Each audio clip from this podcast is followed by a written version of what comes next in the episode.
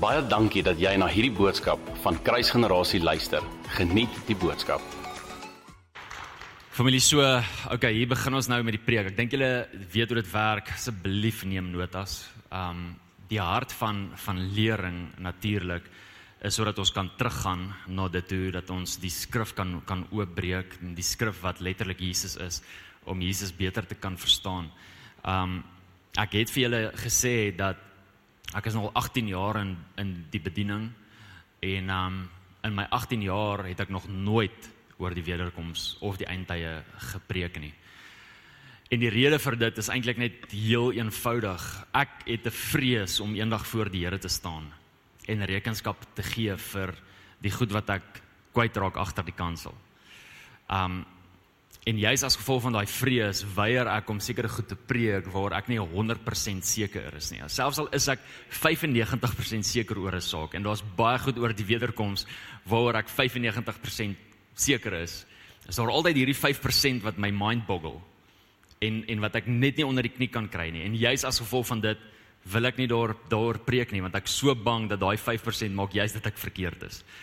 Ek um ek wil met alles binne in my met groot nederigheid vandag kom om hierdie boodskap te bring. Ek ek sien eerstens um julle weet dat die Heilige Gees is mense meester, nê, nee, en um Ja, Heilige Gees het my so so 'n paar maande terug het hy my oor die vingers getik omdat hy gesê het ek bedien die woord arrogant. En ehm um, kyk as mense dit vir jou sê dan kan 'n mens dit nog aflag en maar as Heilige Gees dit vir jou sê dan sal nie gestryery daaroor nie. En dit het my dit het my laat skrik. Maar ek besef ook dat dat ek baie keer wanneer ek goed gesê het en baie keer wanneer ek verwys het na sekere goeters dat ek baie keer arrogant oorgekom het en my hart vir vandag is glad nie om arrogant oor te kom nie. Ek wil ook geen persoon aanvat nie. Ek ek is nie in die name it and shame it besigheid nie. Um want die Here is nie in dit nie. So ek wil ook nie ook nie daar wees nie. Ek wil regtig met groot nederigheid kom en hierdie boodskap vir vir julle bring vandag want ek weet hierdie is op Jesus se hart vir ons as 'n family. Um dis dis so maklik in hierdie tyd om mislei te word. Ek sê vir die billers daar agter, weet Paulus het dit geprofeteer toe hy, hy dit vir Timoteus gesê het, gesê dat even the elect will be misled. Die uit die wat uitverkies is, gaan mislei word. O, ons het 'n verantwoordelikheid om seker te maak dat ons nie deel is van daai profesie nie. Hy ek ek wil nie deel wees van daai profesie wat mislei word nie. Ek wil sterk staan in 'n in 'n sterk van standvaste doktrine gesonde doktrine van wie God is en wat sy woord is. En dit is so maklik in vandag se tyd. Jy weet dat al klomp mense is wat net klomp goed sê en en wat my my bang maak is dat baie mense die goed daar gooi en en goeters kwytraak en opinies deel regtig asof hulle vergeet dat hulle eendag gaan rekenskap gee vir dit wat hulle sê. Dit dis veronderstel om ons so bang te maak dat ons eendag voor so groot God gaan staan en rekenskap gaan gee vir elke ydelle woord wat uit ons mond uitkom. Jesus sê dit self. Dat ons rekenskap gaan gee vir elke ydelle woord wat uit ons mond uitkom. En en mense gooi deesdae teologiese opinies uit soos of dit net niks is nie. Jy weet, ja, ek het hierdie gelees en ek nee, ek dink nou maar dis hoe dit is en jy weet, ek gaan die mense nou maar so leer soos ja, weet ons dat ons so groot verantwoordelikheid het om seker te maak dat dit wat ons glo regtig die waarheid is. O, ons is so naïef partykeer om te dink dat die oomblik wanneer ons iets glo dat dit die waarheid is. Dit is nie te sê dat as ons iets glo dat dit die waarheid is nie. En vandag is daar vir ons uitnodiging, die oomblik wanneer ons die woord oopmaak, hoor gou mooi, lering se hart is nie tot kennis nie.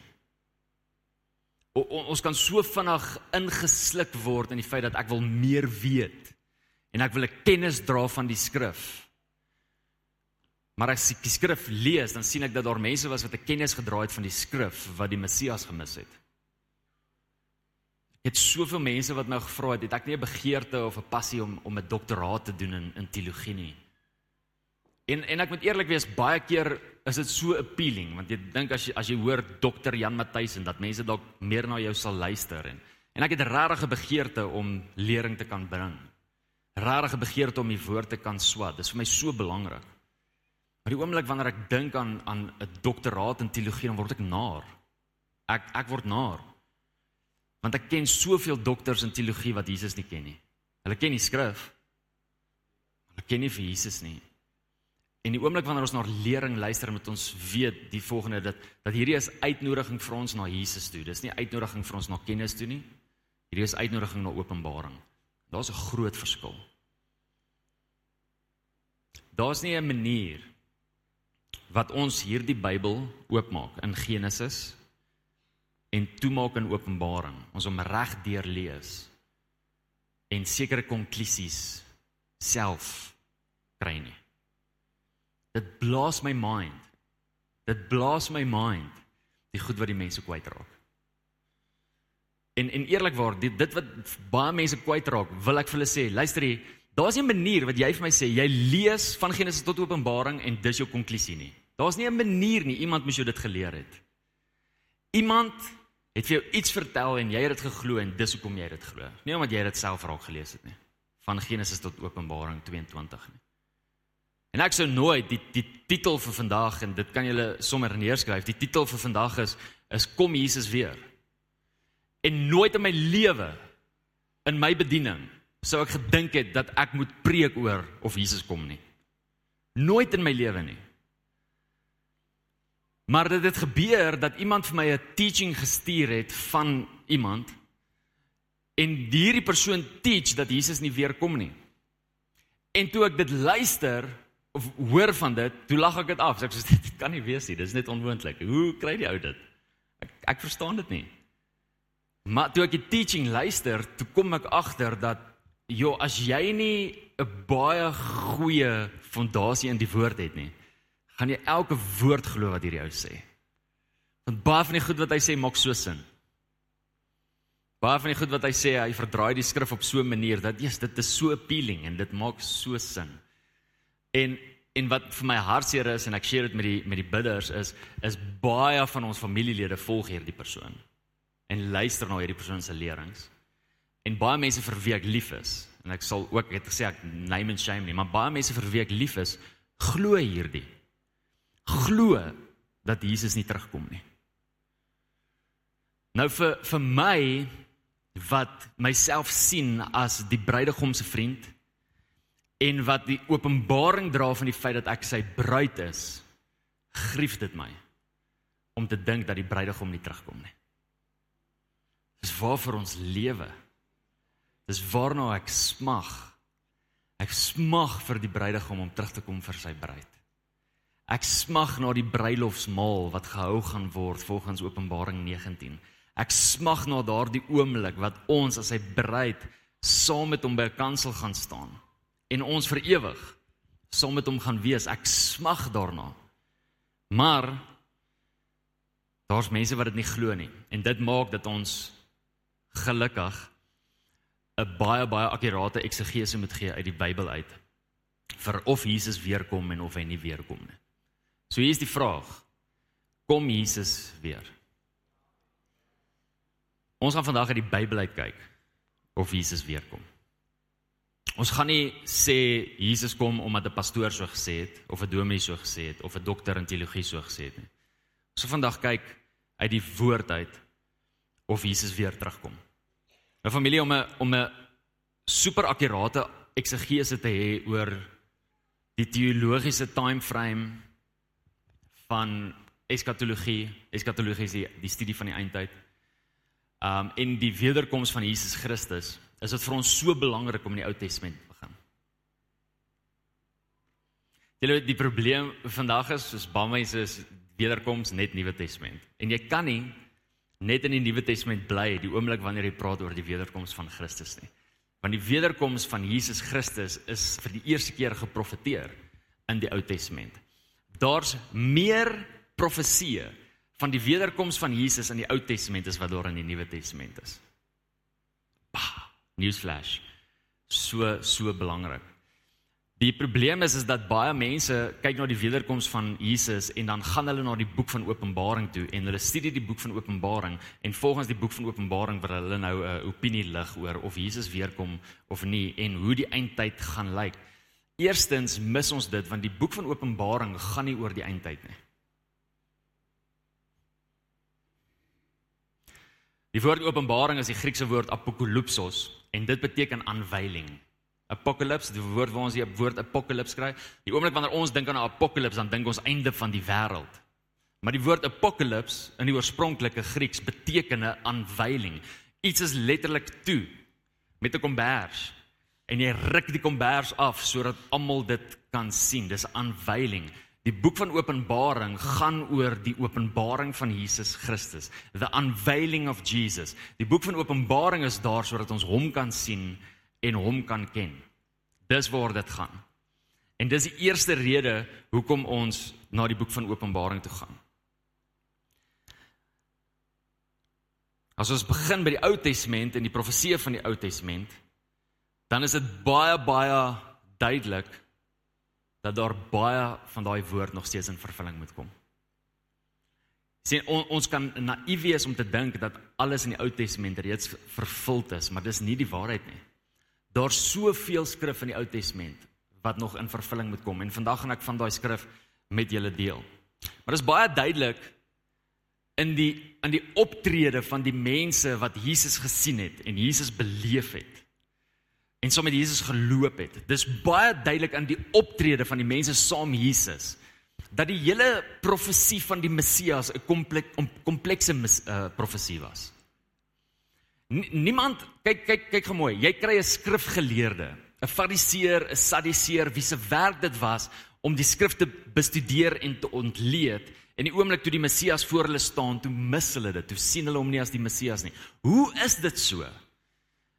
Die rede is dat wanneer 'n mens na die Ou Testament toe gaan en gaan kyk na die profeseë van die Messias, dan sien 'n mens dat hierdie profeseë baie meer kompleks is as wat ons dink dit is. Jy sien die oomblik wanneer ons na hierdie profeseë kyk, dan kyk ons van 'n ander tydlyn af. In hulle tydlyn was dit moeilik geweest om sekere goed te sien en sekere goeters te te verstaan. In ons tydlyn wat terugkyk na alles wat gebeur het en nog steeds die voorreg het om te kyk na die skrif, maak sekere goeters anders sin as wat dit vir hulle sin gemaak het. Dit was vir hulle moeilik geweest om Jesus te sien as die Messias. Want baie van Jesus se lewenstyl, baie van die goed wat Jesus gedoen het, was nie koninklik gewees nie. Soos byvoorbeeld, Jesus was gebore in 'n herberg. Wat se koning word gebore in 'n herberg en nie in 'n paleis nie? Jesus het geen plek gehad om sy kop neer te lê nie. Jesus moes sy tempelbelasting betaal deur geld uit 'n vis se mond uit te kry. Jesus het konstant saam met sondaars en saam met tollenaars gekuier, iets wat konings van daardie tyd glad nie gedoen het nie. Dit was taboe. En die profesie het gesê dat die Messias van Bethlehem afkom, maar almal het ge Jesus geken as die Nasareëner. Jesus van Nasaret. Jy sien die oomblik wanneer hulle na Jesus gekyk het en hulle na die Ou Testament profesie gekyk het, dan was dit vir hulle so confusing. Hulle kon dit nie begryp nie, hulle kon dit nie verstaan nie. Die leefstyl en die wonderwerke wat Jesus daar gebring het, was vir hulle so appealing en het gemaak dat hulle vrae gehad het oor is hy die Messias of is hy nie? Maar al hierdie ander skrifgoed wat ek nou net genoem het, het gemaak dat daar soveel twyfel binne in hulle was. En ek gaan nou vir julle wys hoekom daar soveel twyfel was as gevolg van van die profeseë in die Ou Testament. Maar Jesus het self gekom in Matteus En daarom het hy hy het die volgende gesê. Kom ek kom ek sê gou die volgende. In Matteus 11 vanaf vers 16 tot 19. Ek het hierdie so 2 weke terug het ek dit ook gedeel. Kom Jesus en hy en hy vra die volgende vraag. Hy sê: "Waarmee sal ek hierdie geslag vergelyk?" Dis net soos kindertjies wat op die markte sit en na hulle maats roep en sê: "Ons het vir julle op die fluit gespeel en julle het nie gedans nie en ons het vir julle klaaglied gesing en julle het nie getreur nie." En dan sê hy: "Want Johannes het gekom en hy het nie geëet en gedrink nie." En julle het gesê hy het 'n demoon. En Jesus het gekom en Jesus het geëet en gedrink en hulle het gesê hy is 'n dronkaard en 'n vraat. En wat Jesus hier sê is die volgende dat die oomblik wanneer almal van hulle gekyk het na Jesus, het sy leefstyl en wie hy was gediskwalifiseer dat hy die Messias kan wees, want hy het nie gekom soos wat hulle graag gedink het of wou gehad het hulle moes kom nie. Hoekom hy hy sê ons vergelyk hierdie geslag met die kinders wat aan die markplein 'n speletjie speel, ons het die fluit gedans en hulle fluit gespeel en hulle het nie gedans nie. Jesus praat hier van 'n speletjie wat die kinders gespeel het op die markplein. Hulle het op die fluit iets gespeel en dan moes die mense volgens hierdie ritme van dit wat hulle gespeel het, moes hulle gedans het. En Jesus sê net baie duidelik dat julle het 'n verwagting en ek dans nie volgens julle verwagting nie. En dit maak dat julle dink dat ek nie die Messias is nie. So Jesus het hierdie ding ook ongelooflik baie duidelik kom aanspreek. Jy sien die die koning, die Messias het nie gekom soos wat hulle graag gedink het nie. Want in die Ou Testament, wanneer ons na die profeseë kyk van die Messias, dan sien ons dat die profete die koms van die Messias ingekleer het, geskilder het in twee verskillende maniere. Eerstens het hulle geprofeteer van 'n dienskneg wat sou kom sterf. Tweedens het hulle gekom en geprofeteer van 'n koning wat vir ewig gaan heers. En net as ons dink vandag aan hierdie twee verskillende profeseë, is dit so contradicting met mekaar.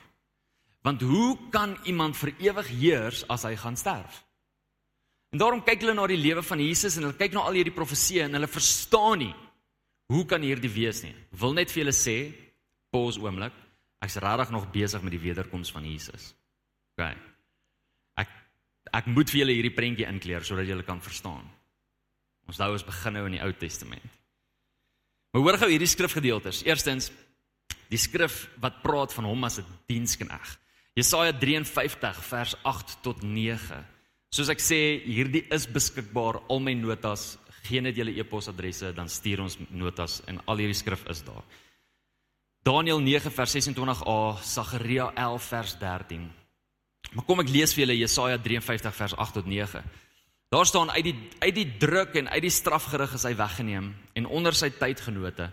Wie het daaroor gedink dat hy afgesny is uit die land van die lewendes? Terwille terwille van die oortreding van my volk was die plaag op hom. En hulle het hom sy sy graf by die goddelose gegee. En by 'n ryke was hy in sy dood omdat hy geen onreg gedoen het nie en geen bedrog in sy mond gewees het nie. So baie duidelik is hier 'n profesie van die Messias wat kom en hierdie profesie sê baie duidelik dat luister hierdie Messias gaan doodgaan. En dan sien jy ander profesieë soos byvoorbeeld Jeremia 23 vers 5. Jesegiel 37 vers 22. Joël 3 vers 15 tot 17. Psalm 2, Psalm 45, Psalm 46, Psalm 47, Psalm 48 wat alles profeteer van 'n koning wat gaan kom heers. Kom ek lees vir julle Jeremia 23 vers 5. Kyk, daar kom daar spreek die Here dat ek vir Dawid 'n regverdige spruit sal verwek en as koning sal hy regeer en verstandig handel en reg en geregtigheid doen in die land. So hier het ons hierdie twee verskillende profeseë, hierdie twee verskillende prentjies wat geskilder word. Die profete kan net profeteer wat God vir hulle wys. Petrus sê dit ook so vir ons. En daarom kom hulle en hulle profeteer net wat God vir hulle wys. En God wys vir hulle dat daar kom 'n Messias en hy gaan lei, maar hy gaan vir ewig op 'n troon sit. In die menslike mind, manier van dink, klink dit vir ons onmoontlik om te dink hoe kan iemand doodgaan maar vir ewig heers? En daarom kyk hulle almal na Jesus en hulle kyk na sy lewenstyl en hulle kyk na wie hy is en hulle is so geconfused. Hierdie profesie het actually gemaak dat in daardie tyd van Jesus dat daar twee dat daar mense was wat wat die volgende gedink het, daar moet twee Messiasse kom. Daar gaan 'n Messias kom wat vir ons gaan doodgaan en daar gaan 'n Messias kom wat gaan heers as koning. Daar moet twee Messiasse kom. Maak dit nou vir jou meer sin oor toe Jesus vir sy disippels vra wie sê die mense is ek dat die mense nie 'n klou gehad het wie hy is nie. En baie van hulle gesê het sommige sê Elia en sommige sê Jeremia en sommige sê Johannes die Doper en sommige sê die profeet waarvan Moses geprofeteer het. Hulle het nie 'n klou gehad nie want Ou Testament profeseë was nie so duidelik nie. Egter die oomblik wanneer ons vandag kyk na die Nuwe Testament, dan kan ons sien dat die Nuwe Testament getuig vir ons van 'n Messias wat gekom het en wat gelei het. Van 'n Messias wat gekom het en wat dood gegaan het. Die Nuwe Testament verklaar vir ons dat daai in vervulling gekom het. Kom ek lees vir julle. Filippense 2 vers 7 sê, maar het homself sorry, dit begin nou in die middel van 'n sin, so dit klink awkward. Maar het homself ontledig deur die gestalte van 'n dienskneg aan te neem en aan die mense gelyk te word. Jesus het gekom as 'n dienskneg.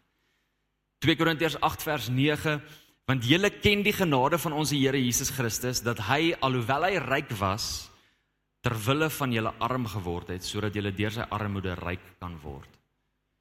Ou Testamentiese profesie van die Messias wat kom kom wat gaan kom lei het in vervulling gekom. OK. Dan is die vraag dan natuurlik die volgende. Wat van die ander profesie? sien julle nou dat ek nog steeds praat oor die wederkoms van Jesus? Wat van die ander profesie? Wat profeteer van die feit dat hy koning gaan word? OK. Dis baie duidelik vir ons dat wanneer ons na die volk van Israel kyk, dat hulle 'n fisiese politieke politieke sorry koninkryk verwag het. Die oomblik wanneer ons kyk na die skrif, dan sien ons dat dit oral was. Almal het dit actually verwag. Almal wat saam met Jesus was, het dit verwag. Die mense wat sy wat sy koms aangekondig het, het dit verwag. Gabriël was een van die eerstes, 'n engel wat gestuur is deur deur die Here kom en hy profeteer. Hy sê hierdie woord in Lukas 1 vers 32 dat hy gaan heers. Dan sien ons Sagaria, Johannes die Doper se pa, kom en hy verklaar dat daar 'n politieke koninkryk gaan wees wat fisies daar gaan wees.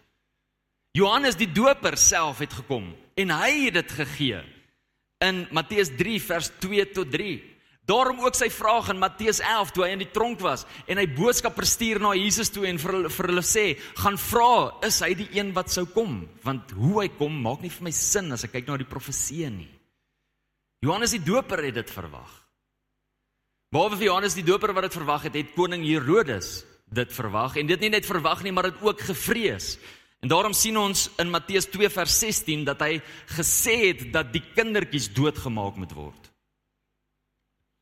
Die Joodse skade het dit verwag. Die oomblik toe Jesus die brood en die visse vermeerder het in Johannes 6, toe wou hulle hom met geweld koning maak, Johannes 6 vers 15. Hulle het verwag dat daar 'n fisiese politieke koninkryk gaan wees. Maar nie net hulle nie, selfs die fariseërs het dit verwag. Die fariseërs het dit verwag en daarom hulle vraag in Lukas 17 vers 20. Hou jou vinger by Lukas 17 vers 20 want ons gaan nou-nou so toe gaan. En daarom vra hulle hierdie vraag vir Jesus want dis wat hulle verwag het. Meer as dit, selfs Jesus se disippels het dit verwag. Daarom die disippels se vraag in Lukas 19. Hou jou vinger daar want ons gaan in Lukas 19 ook 'n draai gaan maak. En hulle het net daar gevra nie selfs na Jesus se opstanding in Handelinge 1 vers 7 kom hulle en hulle vra weer Here is dit nou die tyd wat hierdie koninkryk gaan vestig? Dit was die heeltyd in hulle minds. Hoekom was dit in hulle minds? Want die profeseë sê so. Luister, dis nie verkeerd van hulle gewees om te dink en te droom en te verklaar en te verwag dat daar 'n politieke koninkryk gaan wees nie. Dis wat die woord sê. Dit moet gebeur. Daarom hulle almal se verwagting rondom hierdie dat dit is wat dit gaan wees. Dit is hoe dit gaan wees. Daar moet 'n fisiese koning op 'n fisiese troon sit wat fisies oor ons almal gaan heers, wat fisies in 'n paleis of in 'n kasteel gaan bly en gaan heers oor die hele aarde want dit is wat die profeseë sê en dis wat hulle die heeltyd verwag van Jesus. Op 'n stadium kom Jesus en Jesus getuig self van sekere skrif wat oor hom geprofeteer is wat in vervulling gekom het. In Matteus, ag skus, Lukas 4 vers 16 tot 21, ek wil dit graag vir julle lees. Dit help ons met meer konteks. Is julle nog almal by my? OK. Ek probeer hierdie krentjie regtig breed inkleer. Sodat julle nooit weer op 'n plek kan wees waar enigiemand julle kan mislei oor die wederkoms van Jesus nie. Al hierdie goeters is veronderstel om jou so vas te grond in sy wederkoms. OK? Lukas 4 vers 16 tot 21. Jesus kom in Nasaret waar hy opgevoed was en soos hy gewoond was, gaan hy op die Sabbatdag in die sinagoge en staan op om te lees. En die boek van die profeet Jesaja is aan hom oorhandig en toe hy hierdie boek oopmaak, kry hy die plek waar geskrywe is: Die gees van die Here is op my. Omdat hy my gesalf het om die evangelie aan die armes te bring. Hy het my gestuur om die wat verbryseld van hart is te genees, om aan gevangenes vrylating te verkondig en aan blindes herstel van gesig, om die wat gebroken is in vryheid weg te stuur om 'n aangename jaar van die Here aan te kondig en nadat hy die boek toegemaak het en aan die dieners teruggegee het, gaan hy sit. En die oë van almal in die sinagoge was op hom gewees en toe begin hy vir hulle almal sê: "Vandag is hierdie skrif in julle ore vervul." Wat gebeur hier? Jesus is in 'n sinagoge. Hulle bring vir hom die boek, die scroll van Jesaja en hy maak die profesie oop in Jesaja 61 waar Jesaja actually profeteer oor hom en hy lees dit. 'n Amazing oomblik. Die een wat oor geprofeteer is, so hoor gou mooi. Jesus werk in Jesaja se hart om 'n profesie te bring. Hy bring hierdie profesie in Jesaja 61 en later word Jesus vlees en Jesus lees hierdie profesie wat hy geïnspireerd het in Jesaja se hart en hy lees hierdie klipharde. Dis 'n amazing oomblik. En toe Jesus dit klaar gelees het, toe sê hy hierdie skrif het in vervulling gekom. Wow. Hier is Ou Testamentiese profesie wat in vervulling gekom het. Hoe weet ons dit het in vervulling gekom? Want Jesus sê dit het in vervulling gekom. OK. Maar weet julle wat's amazing? Dat Jesaja 61 vers 1 tot en met vers 2 nie die enigste skrifgedeelte is wat profeteer van die Messias nie. Maar dat die hele profesie eintlik gaan tot en met vers 6. So die oomblik wanneer ons kyk na hierdie profesie en ons sien dat Jesus lees vir ons hoof vers 1 en vers 2b, moet ons natuurlik die vraag afvra, wat van vers 2b tot en met vers 6? Wanneer gaan hierdie in vervulling kom? As die eerste gedeelte in vervulling gekom het, wat van die res? Jy sien van die res van daardie profesie praat van die volgende: Wat van die Messias sal 'n dag van wraak uitroep? Wat van hy sal die treurendes vertroos in Sion vers 3. Wat van hulle sal die ou pynhope bou vers 4. Wat van hulle sal die verwoeste stede weer nuut maak vers 4. Wat van hulle sal die vreemdelinge sal hulle kleinvee vir hulle oppas vers 5. Of die uitlanders sal hulle landbouers en wynboere wees. Of hulle Israel sal die priesters van God wees volgens vers 6. Of wat van julle sal die rykdom van die nasies eet volgens vers 6. Wat van al hierdie ander profeseë? Dit het nog nie in vervulling gekom nie. Dit maak dat daar binne in elkeen van ons harte 'n verwagting kan wees vir hierdie woord om steeds in vervulling te kom. Net die feit dat hierdie nie in vervulling kom nie, maak dat ons die reg het om enige claims van Jesus se wederkoms, wat Jesus se wederkoms betwyfel, ons daai claims kan betwyfel want hier's woord wat nog in vervulling moet kom.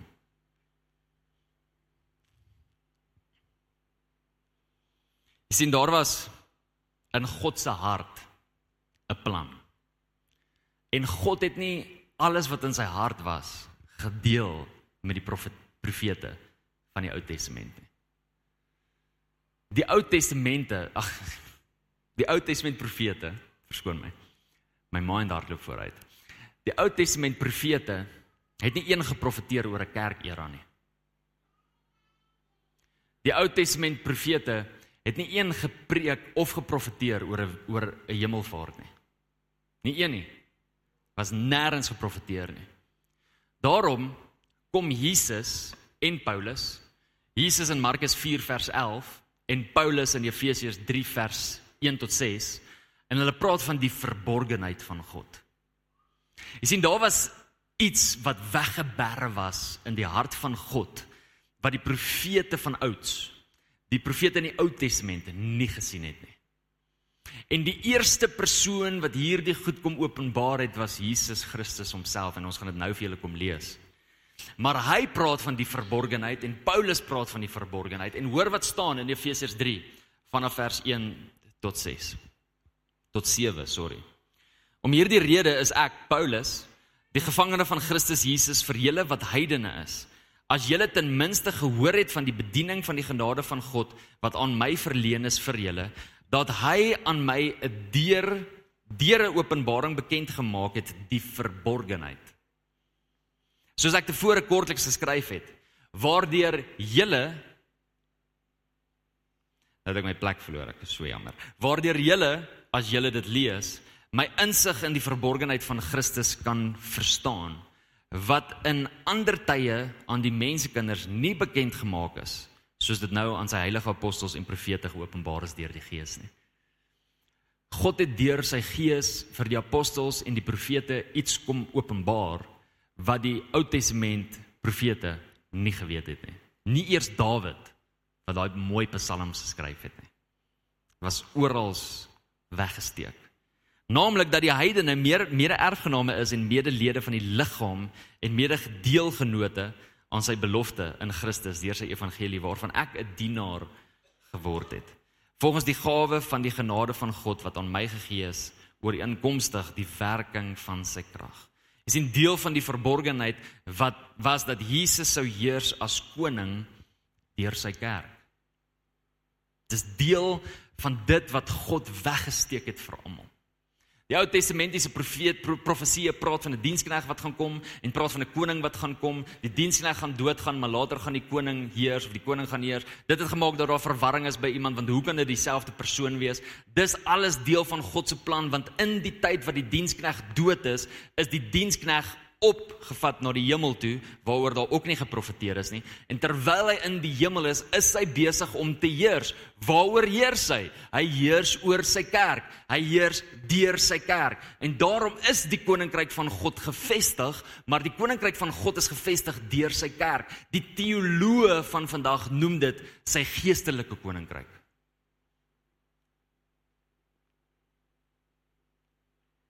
Maar luister familie, dit kanselleer egter nie wat deur die profete gesien is nie. En dit is 'n koning wat fisies gaan heers. Daar's 'n koning wat nou op die troon sit in die hemel aan die regterkant van God. Niemand van ons kan daarmee stry nie. Daardie koning sit daar en daardie koning heers. Maar daar is profeseë wat praat van 'n fisiese koning wat fisies gaan heers en fisies op 'n troon gaan sit, nie hemelse geestelike trone nie alhoewel die hemel ook fisies is. En daarom kan ons steeds verwag dat daar profeseë is wat in vervulling moet kom van hierdie Messias wat moet gaan terugkom. Dis juis as gevolg van hierdie twee verskille van die koninkryk. Die geestelike koninkryk, soos die teoloë dit noem, of die immanente koninkryk en sy fisiese of sy uitgestelde koninkryk. Kom ons wees eerlik, vandag as ons nog praat oor koninkryke en as ons praat oor kingdom, dan is soveel mense so geconfused oor die koninkryk van God. Pastore is confused, dominees is confused, leraars is confused, mense wat kom met skrifgeleerdes is so confused oor die koninkryk van God. En daarom het daar soveel verwarring opgekom, soos byvoorbeeld een van die dwaallere wat vandag bestaan is Kingdom Now. Kingdom Now praat van die feit dat Jesus nou heers en dat hy glad nie gaan terugkom nie, want hy heers klaar. Dit vorm deel van hierdie ander valse lering wat gemaak het dat ons hierdie boodskap bring vandag van die feit dat Jesus nie terugkom nie. Want hoekom moet Jesus terugkom as hy klaar heers? Hoekom moet Jesus terugkom as hy klaar op die troon is? Hoekom moet Jesus terugkom as die koninkryk klaar gevestig is? Die antwoord, my liewe familie, vind ons in Lukas 17 en Lukas 19. Hier's twee verskillende gedeeltes of skilderye van God se koninkryk. Sy geestelike koninkryk en sy fisiese koninkryk. En die antwoord op dit vind ons uit Jesus se mond uit in Lukas 17 en Lukas 19 en ek wil julle nooi om saam met my soontoe te blaai sodat ons vir julle kan wys wat sê die skrif.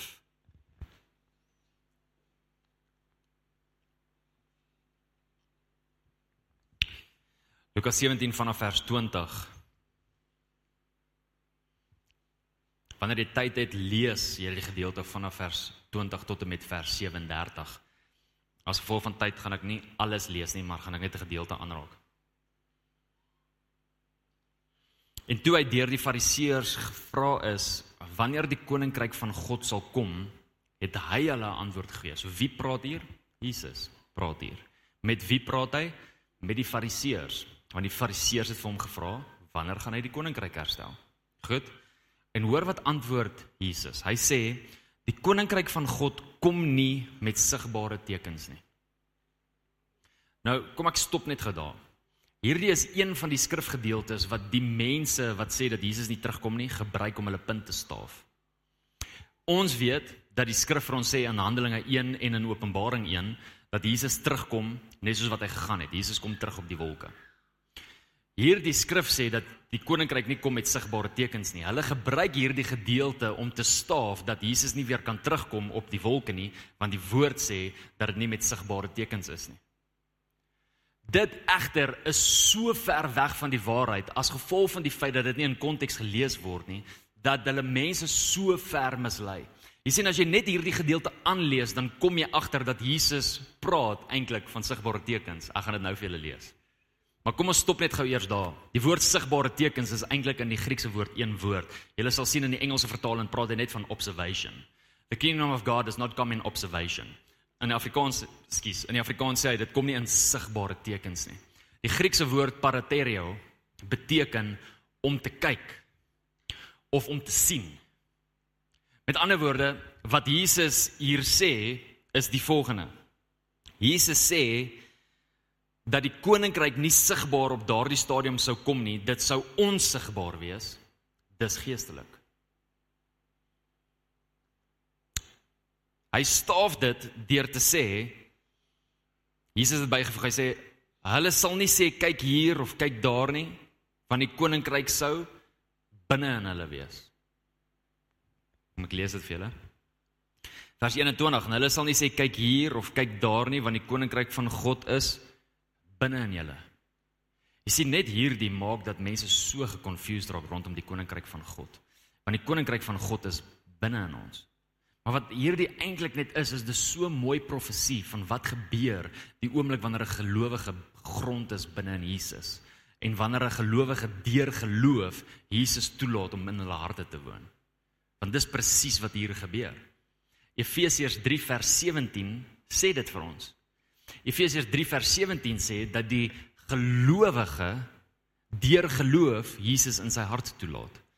So Jesus woon binne in die gelowige se hart en daar is die koninkryk want waar die koning is is sy koninkryk nê nee?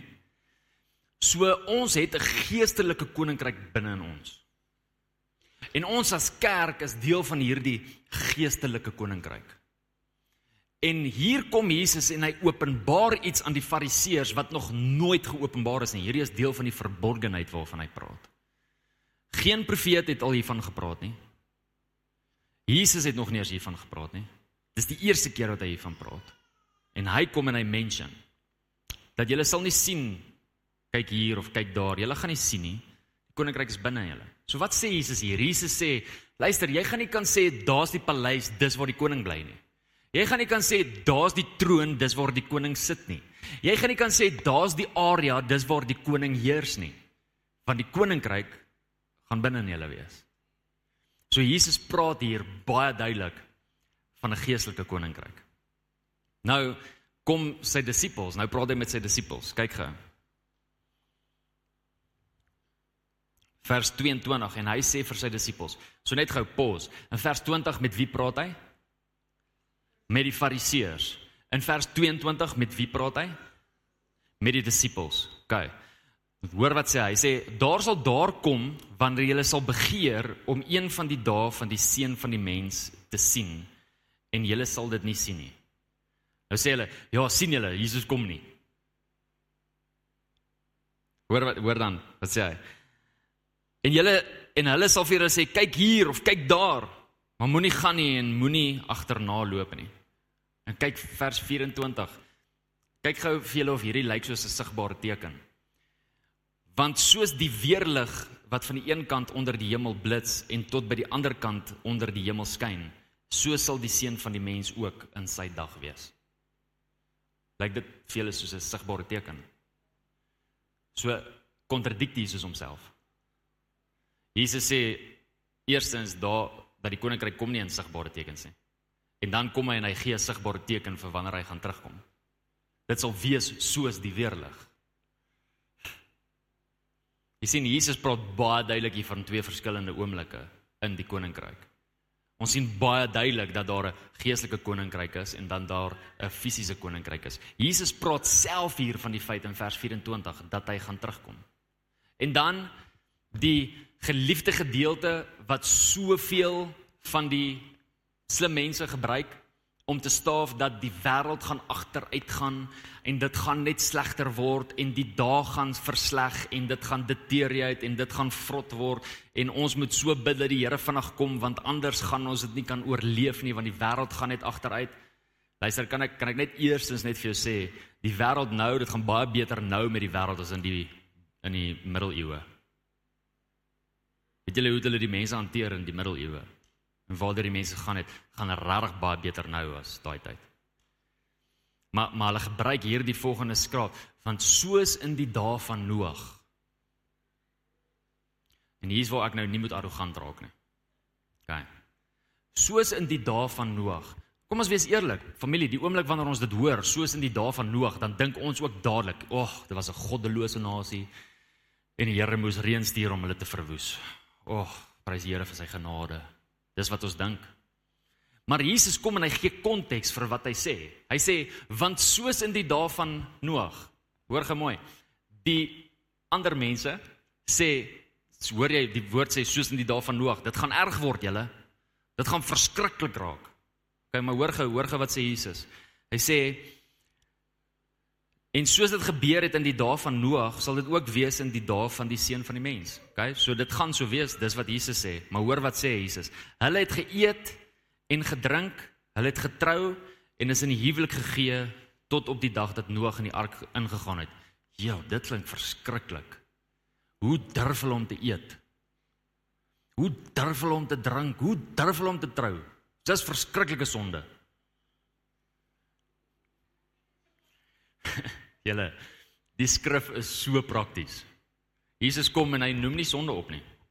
Soos in die dae van Noag, hulle het gedrink, hulle het geëet, hulle het getrou en toe is die vloed daar. Jesus nie eendag sondige, is dit sonde om te drink? Jy moet drink anders gaan jy doodgaan, weet jy dit? Asseblief drink net ietsie. Haai. Is dit sonde om te eet? Jy gaan doodgaan as jy nie eet nie. Eet asseblief net ietsie. OK? Is dit sonde om te trou? Van julle dink so, die wat 50 jaar getroud is. Maar dit is rarig nie. Hè? Trou is 'n blessing, huwelik is 'n blessing. Ja, as 'n sonde om te trou, verseker nie. Jesus noem nie sonde hier op nie. Wat sê Jesus? Hierdie is wat Jesus sê, hierdie is die konteks. Jesus sê hulle was so besig om hulle lewe te leef, toe hulle weer sien toe dit verby, want toe is die vloed daar. Dan gebruik hy 'n volgende voorbeeld van Sodom en Gomora en hy sê dit weer eens. En weer eens kom noem Jesus nie sonde nie. Wat sê Jesus hier? Jesus sê hulle was so besig om hulle lewe te leef toe hulle weer sien toe's daar vuur. En so sal dit wees in die dag van die seun van die mens. Die mense gaan so besig wees om hulle lewe te leef dat hulle dit nie gaan verwag wanneer Jesus terugkom nie. Dis wat Jesus hier sê. Dis die konteks. Net om almal gerus te stel. OK. Daar is nie profesie dat dit gaan erger word nie voel nou beter dat ek dit gesê het. Daar gaan 10 teen in baie e-mails kom as gevolg van daai uitlating. Was reg. Lukas 19. Kom Jesus en hy gee vir ons nog 'n gelykenis. Onthou nou ons praat van twee koninkryke, die geestelike of die immanente koninkryk en dan praat ons van die politieke of fisiese koninkryk van Jesus Christus. In die eerste gedeelte in Openbaring sê ag Lukas 17 kom Jesus en hy praat met die fariseërs oor die geestelike koninkryk en dan switch hy oor en hy praat met die disippels oor die fisiese koninkryk. Hier in Lukas 19 kom Jesus en hy gee 'n gelykenis oor die koninkryk wat kom. Kom ons ontleed hierdie gelykenis. En terwyl hulle na vers 11, jammer, Lukas 19 vers 11 En terwyl hulle na hierdie dinge luister, vertel hy hulle vertel hy daar nog 'n gelykenis by, omdat hy naby Jerusalem was en hulle gedink het dat hy die koninkryk van God onmiddellik sou verskyn. So hoor julle wat gebeur? Die disippels in hulle harte dink dat Jesus nou die fisiese koninkryk gaan vestig. En daarom deel hy die volgende gelykenis. OK. Hy het dan gesê: "’n Man van hoë geboorte het na ver land gereis om vir homself 'n koningskap te ontvang, en dan terug te kom. En nadat hy 10 van sy diensknegte geroep het, gee hy hulle 10 ponde en sê vir hulle dryf handel daarmee totdat ek kom. Maar sy medeburgers het hom gehaat en 'n gesantskap agter hom aangestuur om te sê ons wil nie hê dat hierdie man koning oor ons moet wees nie. En toe hy terugkom nadat hy die koningskap ontvang het, sê hy dat daardie diensknegte aan wie hy die geld gegee het, by hom geroep moes word sodat hy kon weet wat elkeen met handel verdien het. Goed. Kom ons stop net daar. Gaan lees in jou vrye tyd tot en met vers 28. Hierdie gedeelte wys vir ons die uitgestelde politieke of die fisiese koninkryk wat jy dit ook al wil noem. Terwyl Jesus met sy disippels naby Jerusalem kom en hulle hierdie vraag in hulle harte het, verduidelik hy vir hulle hierdie gelykenis. En hy praat van 'n man wat gaan om sy koningskap te gaan kry en terugkom na daardie land toe. En dan praat hy oor 'n paar goeders. Hy het vir 10 van sy volgelingers nageroep en vir hulle ponde gegee om die handel te dryf. En dan praat hy ook oor die feit dat daar mense was in die land wat hom gehaat het om en hom nie wou gehad het as koning nie. Om nie wou eer as koning nie. So hier's die vraag wat ons onsself moet afvra. Die oomblik wanneer ons hierdie gelykenis ontleed, is die volgende. Eerstens, Wie is die man van wie Jesus hier praat? Van homself. Die konteks wys dit ook vir ons. Gaan lees dit aan en lees sien. Jesus praat hier van homself. OK? Dan deel. Tweedens, waartoe het Jesus gegaan om sy koningskap te kry? Jy sien want baie skrifgeleerders kom verkeerdelik en sê dat hy aarde toe gekom het om sy koningskap te kry. En dis verkeerd. Want Jesus het nie aarde toe gekom vir sy koningskap nie. Maar het hemel toe gegaan vir sy koningskap. Hoekom sê ons so? Eerstens, ons sê so want die skrif sê so. Openbaring 19 en Openbaring 20 wys vir ons hierdie gedeelte waar Jesus gesal word as koning en waar hy letterlik terugkom aarde toe. In Handelinge 3 vers 21 sê die skrif dit ook so. Laat ek net seker maak Handelinge, jep, Handelinge 3 vers 21 sê die skrif dit ook vir ons so. Ons kyk na die feit dat Jesus in sy gelykenis sê dat hy 10 mense na hom toe geroep het, vir hulle ponde gegee het en vir hulle gesê het dryf handel daarmee. Hier is die vraag wat ons vra. Het Jesus 10 engele na hom toe geroep, vir hulle ponde gegee en vir hulle gesê handel dryf hiermee of het hy sy disippels na hom toe geroep en gesê hier vat hierdie leer dit vir mense alles wat ek vir julle geleer het. Dryf handel hiermee. Vir wie het hy gevra? Sy disippels, nie vir engele nie. OK? Hier is die volgende ding wat ons kan kyk in die gelykenis. Die gelykenis sê dat die mense in die land hom nie as koning wou gehad het nie. Is dit so dat die hemele Jesus nie as koning wil hê nie? Nee, dit is nie so nie, want in Openbaring 4 vers 4 en Openbaring 5 sien ons dat almal in die hemel, engel, ouderling, wesens en die gelowiges wat daar is, almal buig voor die koning van die konings en almal aanbid hom. Dit staan ook so in Hebreërs 1 vers 6. In Hebreërs 1 vers 6 staan daar dat die engele hom sien as koning. So ons kan baie duidelik aflei dat die mense in die hemel, of almal in die hemel, nie die is wat hom nie as koning wil hê nie. Almal in die hemel wil hom as koning hê. Maar die oomblik wanneer ons die skrif oopmaak, dan sien ons baie duidelik in die skrif veral in Matteus 27 vers 25 dat die Jode hom nie as koning wou hê nie. So die konteks van hierdie gelykenis is die volgende. Jesus kom hy word gebore hier op aarde, 'n man van hoë geboorte, is gebore hier op aarde. Hy lewe hier en op 'n stadium gaan hy weg. Die oomblik toe hy weggaan, roep hy sy mense na hom toe. Hy gee vir hulle ponde om die handel te dryf. Hy gaan weg na 'n ver land om sy koningskap te kry. Die oomblik toe hy sy koningskap gekry het, kom hy terug en hy wil by hulle hoor wat het hulle gedoen met hierdie ponde. En dadelik wanneer ons kyk na die konteks en die ontleding van hierdie met goeie eksegese, kom ons baie duidelik agter dat Jesus na 'n ver land wat die hemel is, moes reis om sy koningskap te kry en dat hy weer gaan terugkom om rekenskap te vra vir dit wat hy vir die mense voorgegee het en gesê het. Jesus kom en gee gelykenis van wanneer die fisiese koninkryk gaan kom. Steeds het die disippels dit nie verstaan nie, want later in Handelinge het hulle weer gevra, Here, is dit nou die tyd? Nee, is nog nie die tyd nie. Want Jesus moes eers hemel toe gaan. Jesus het gesê dat deel van die verborgenheid, ekskuus julle, ek is amper klaar. Bear with me. Hierdie is belangrik. Deel van die verborgenheid was dat Jesus hemel toe was. Geen profeet het dit geweet nie, nêrens in die Ou Testament staan dit nie. Jesus was die eerste een wat dit gesê het. Jesus was die eerste een wat gepraat het van 'n geestelike koninkryk en Jesus was die eerste een wat gepraat het van die feit dat hy moet hemel toe gaan. En ons sien dit in Johannes 14. Johannes 14 vanaf vers 1 tot 3. Kom Jesus en hy praat van die mansions wat daar is en dat daar baie en genoeg mansions is en dat hy gaan om 'n plek voor te berei en dat hy weer terugkom. OK? Om hierdie te verstaan, kan ons nie teologies daarna kyk nie. Jy sien baie die ouens wat wat praat dat Jesus nie meer terugkom nie, gebruik hierdie gedeelte om juis te staaf dat Jesus nie terugkom nie, want later in Johannes 14 staan daar dat as ons Jesus liefhet, dan kom maak hy woning binne in ons. En dan sê hulle sien die mansions, die wonings praat van dat hy in ons kom woon. Dis waar dit nee, dis nie waar dit gaan nie. Kyk, ons kan nie teologies kyk na hierdie nie, ons moet kultureel kyk na hierdie. Kultureel Is dit moontlik om kultureel te kyk na iets? Ja, ons moet kultureel kyk na hierdie gedeelte. Jy sien Jesus kom en hy maak hierdie verklaring nie as koning nie. Hy maak hierdie verklaring as bruidegom. En in die kultuur van Jesus, ons het hierdie al so verkeer vir julle verduidelik, maar vir konteks vir die van julle wat nuut is en vir die wat ons gaan kyk, gaan ek hierdie weer verduidelik. In Jesus se tyd, die oomblik wanneer 'n 'n bruid aan 'n bruidegom verloof geword het, het dit so gewerk. OK? Die pa het die bruid gereël. En die oomblik wanneer hulle mekaar ontmoet het en hulle hierdie verloving begin het, het die bruidegom gegaan om 'n plek voor te berei vir die bruid. Hy het gegaan om 'n huis voor te berei, hy het gegaan om sy werk en sy finansies en al die goederes reg te kry. En die oomblik wanneer dit reg is, het hy teruggekom en het hy sy bruid kom haal en die bruid het saam met hom gegaan na die plek wat hy gaan voorberei het.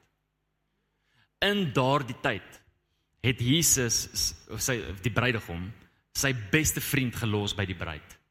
Want dan moet iemand kyk na die bruid. En wie anders as my beste vriend? En hierdie beste vriend het die bruid omgesien, hierdie beste vriend het, het die, die bruid gediens op 'n gesonde manier en het seker gemaak dat haar hart gekleef bly. Dat haar hart gekleef bly aan die bruidegom en dat sy nie haar hart verloor aan enige iemand anders nie. Dis wat hierdie bruidegom se vriend gedoen het.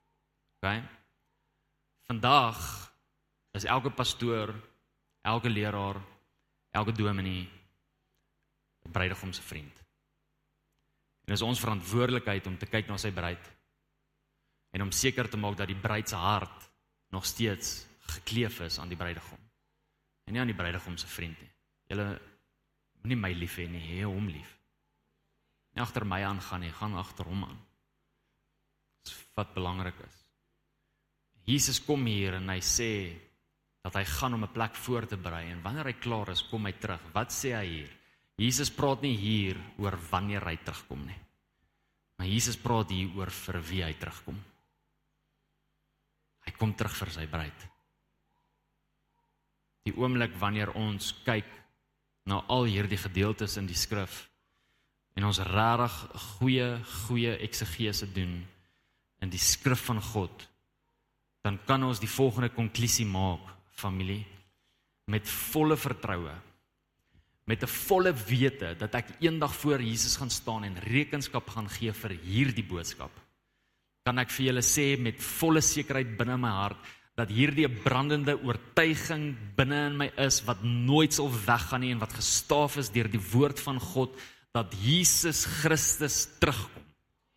En dat hy terugkom vir sy bruid en dat hy terugkom as koning om te kom heers oor ons en al die nasies. Daar sal nie een nasie wees wat nie onder sy heerskappy gaan wees nie.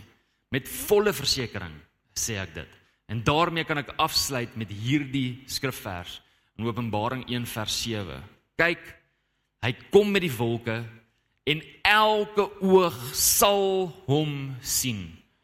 Ook hulle wat hom deursteek het en al die geslagte van die aarde sal oor hom rou bedryf. Ja en amen. En op hierdie skrif en na al hierdie ontleding en hierdie boodskap en al hierdie eksegese kan ons vandag as 'n familie uitroep Maranatha. Kom Here Jesus, kom. Hier's 'n bruid wat wag vir u. En hierdie bruid is besig om haarself reg te maak vir die bruilofsmaal van die lam. Baie dankie dat jy na hierdie podcast geluister het. Indien jy die boodskap geniet het, deel hom asseblief met jou vriende.